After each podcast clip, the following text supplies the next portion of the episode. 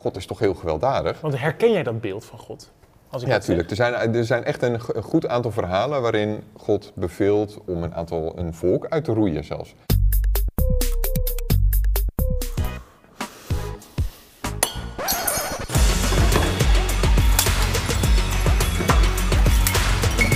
Joram, wat, gast, wat doe je man? Wat is er allemaal aan de hand hier? Dit wat? Wat doe je Joram? Ik ben agressief! Ja, dat, dat zie ik. Man, wat is er gebeurd? Wat is er aan de hand? Ik wil op God lijken. Nou, dat. eh waar heb je die ideeën vandaan? Kijk je pen! Mis. Waar haal jij die ideeën vandaan? God is toch vet agressief in de Bijbel? Dus daarom wil ik het daarover hebben. Waarom is God toch zo agressief? Dat bespreken we in deze aflevering van Denkstof. En dat doe ik met huistheoloog Reinier Sonneveld. Als je hem weglegt, dan, Antwoorden willen we! als je hem weglegt dan, dan gaan we rustig praten. Mamma mia. Ik wil het hebben over waarom God vooral in het Oude Testament best wel agressief is. Want Ja, ik herken ja. God eigenlijk helemaal niet op die manier. Nee. Eh, en er is daar wel veel verwarring over. In, ook in ons Denkstof panel gaan we even naar kijken. Hmm. Zo. Eh 48% zegt eh, ik snap waarom God soms geweld gebruikt. Maar de meerderheid, kleine meerderheid, zegt nee, ik snap dat eigenlijk niet. En Nee. ik zit bij die 52%. Ja, dat, eh, dat snap ik dan eh, weer wel inderdaad. Zag het er want cool is een- uit eigenlijk? Ja, het zag er heel cool uit, ja. Het is echt eh, vet goed. We gaan gelijk naar de Bijbeltekst. Voor mij misschien wel de belangrijkste Bijbeltekst. Die denk ik de kern zegt van wat we geloven als christenen. En tegelijk hier iets over zegt. Namelijk, als jullie mij kennen, dat zegt Jezus, zullen jullie ook mijn vader, God, kennen. En als je mij gezien hebt, dan heb je ook de vader gezien. Oftewel, Jezus zegt hier, en dat is best eh bruut natuurlijk, ik ben de beste informatie over God. En als je iets wil beweren of denken over God, dan kijk je als eerste kijk je naar Jezus. Dat is wat we als christenen doen. Dus als jij zoiets zegt van, nou ja, God is toch heel gewelddadig. Want herken jij dat beeld van God? Als ik Ja, natuurlijk. Er zijn, er zijn echt een, goed aantal verhalen waarin God beveelt om een aantal een volk uit te roeien zelfs. Nou, dat is, zit in het Oude Testament, maar dat, dat, is, dat is intens. Dus dan krap je achter oren van, is God zo? Weet je wel? En als jij zegt van, ja, is God gewelddadig? Maar wat je dan dus doet als christen is als eerste vragen, oké, is Jezus gewelddadig? Want Jezus is de beste informatie over God. Misschien zou hij kopjes kapot gooien om een of andere grap uit te halen of iets dergelijks. Maar ik zie hem geen volken uitroeien, zou ik maar zeggen. Precies andersom. Eerder dan wie dan ook kwaad aan te doen, laat hij het zichzelf aandoen. Dus nou ja, dat is, dat is elke keer de zoektocht van oké, weet je, hier staat niet als je maar de Bijbel hebt gelezen, dan ken je God. Er staat niet van als je maar, eh, weet ik veel, een of ander dik boek van een dikke theoloog hebt gelezen. Of een dunne theoloog. dan ken je God. Of Ja. als je nou maar heel vroom doet. Of als je dit en dit bidt, dan, dan ken je God. Nee, er staat als je Jezus hebt gezien of Jezus kent, dan ken je God. Dat is onze beste informatie.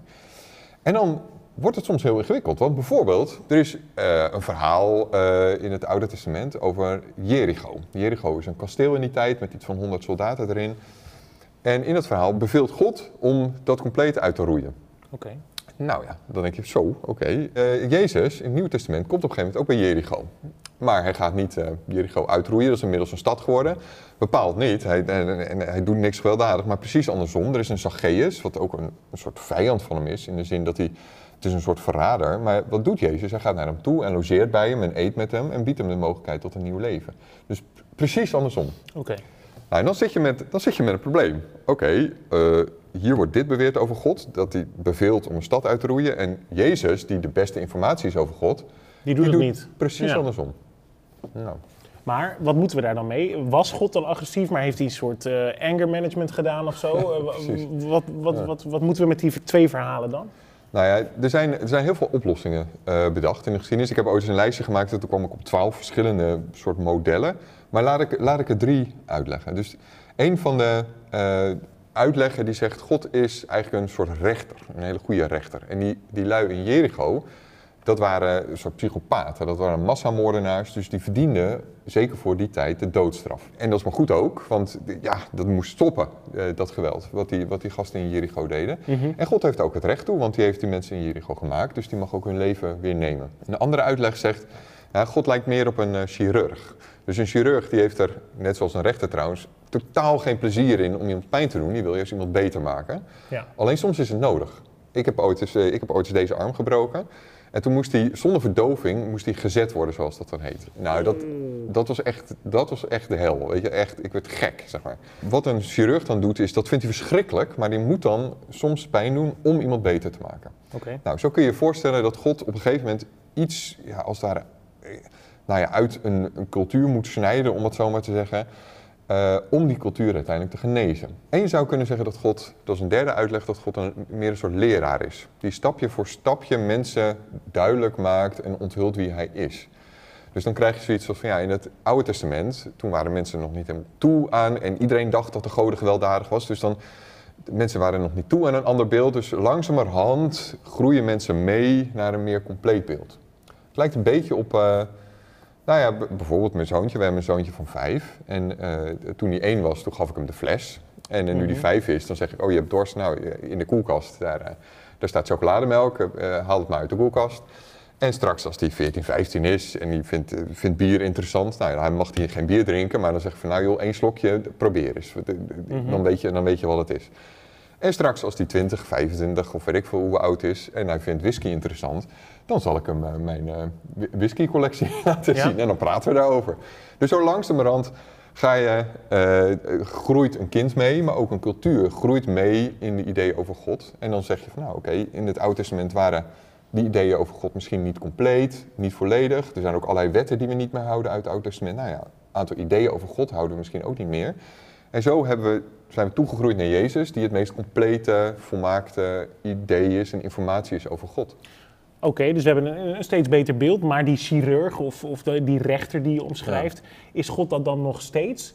Eh, want dat is best wel heftig, zo van, eh, ja, God heeft je dat leven gegeven, dus hij zou het je ook kunnen afnemen als hij denkt dat dat beter is. Je begint altijd bij Jezus, zeg maar. En dus is dan gewoon de vraag, ja, zou, zou Jezus dat doen? Hoe, hoe, hoe, hoe zien we Jezus dat doen? Zien we Jezus willekeurig levens afnemen? Nee, bepaald niet. Precies andersom. Ja. Dus we zien de mensen genezen. Ja. Dus, de- dus elke keer als mensen iets beweren, weet je, er worden ook wel eens dingen gezegd als van ja, je moet, eh, eh, het is eigenlijk wel goed om, eh, om God te vrezen, zeggen mensen dan. Of eigenlijk gewoon, en bedoelen ze mee bang te zijn voor God. Mhm. Ja, nou ja, dan is het oké, prima, jij beweert iets over God. Hoe werkt dat bij Jezus eigenlijk, ga je dan weer vragen. En is het goed om Jezus, om bang te zijn voor Jezus? Is dat logisch? Waren mensen dat? Nou ja, het antwoord is ondubbelzinnig nee. Mensen waren niet bang voor Jezus. Dat is, zo- het is zo totale onzin om dat te beweren. Ja. Nou, zo denken we dan ook over God niet. Dan eh, gaan we eens even kijken wat eh, de jongeren hier in de studio ervan denken. Hoi. Hoi. Snap jij dat God in het Oude Testament geweld gebruikt? Ja hoor, dat snap ik. Nee, dat snap ik echt niet. Ik vind het echt een heel ingewikkeld onderwerp. Ja, ik snap eh, dat God soms geweld gebruikt. Ik ben bang dat het soms gewoon nodig is. Dat wij als mensen een soort van wakker geschud moeten worden. Net zoals dat als je ouders boos op je worden, dan kan je achteraf ook inzien waarom dat zo is. Uiteindelijk ehm, merk je toch dat het neerkomt eh, op dat God het beste met ons voor heeft. Er wordt natuurlijk in de Bijbel gepraat als God die een liefdevolle God is.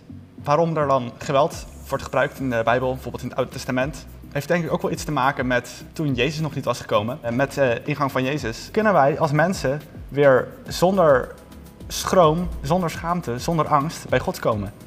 En ik denk dat er daardoor ook veel minder geweld nodig is. Omdat hij toch wil dat eh, mensen weten dat er ook een hogere macht is, dan eh, kan het inderdaad zijn dat hij geweld gebruikt om het toch duidelijk te maken. Dus hij, hij dreigt dan een soort van, jongens, zien jullie wel dat ik er ben? Ja. Dat doet hij in het Oude Testament. Eh, Doet hij dat nu nog steeds? Dat zou kunnen, op verschillende manieren misschien wel. Bijvoorbeeld een ziekte of zo. Oké, dus, dus, dus je bedoelt met een ziekte dat, dat, dat, dat God dan op die manier straft eigenlijk? Ja, Oké, dat is wel heftig toch? ja, Niet echt een hoopvolle boodschap die je brengt. nee, Nee, dankjewel. alsjeblieft. We vinden het toch lastig hè, om, Ja. om het nou bij God te plaatsen. Eh, hij is toch niet agressief, of hij is toch wel misschien agressief, hoor ik. Maar we moeten dus kijken eigenlijk naar Jezus voor het meest actuele beeld.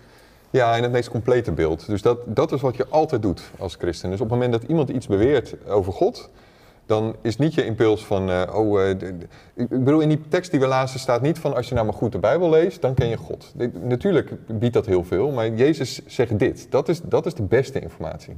En dan ga je vervolgens nadenken, oké, en dan zijn er vast allerlei Bijbelteksten die ik niet snap, of hoe de, maar daar kun je mee leven, want je hebt die beste informatie, dat is Jezus. En.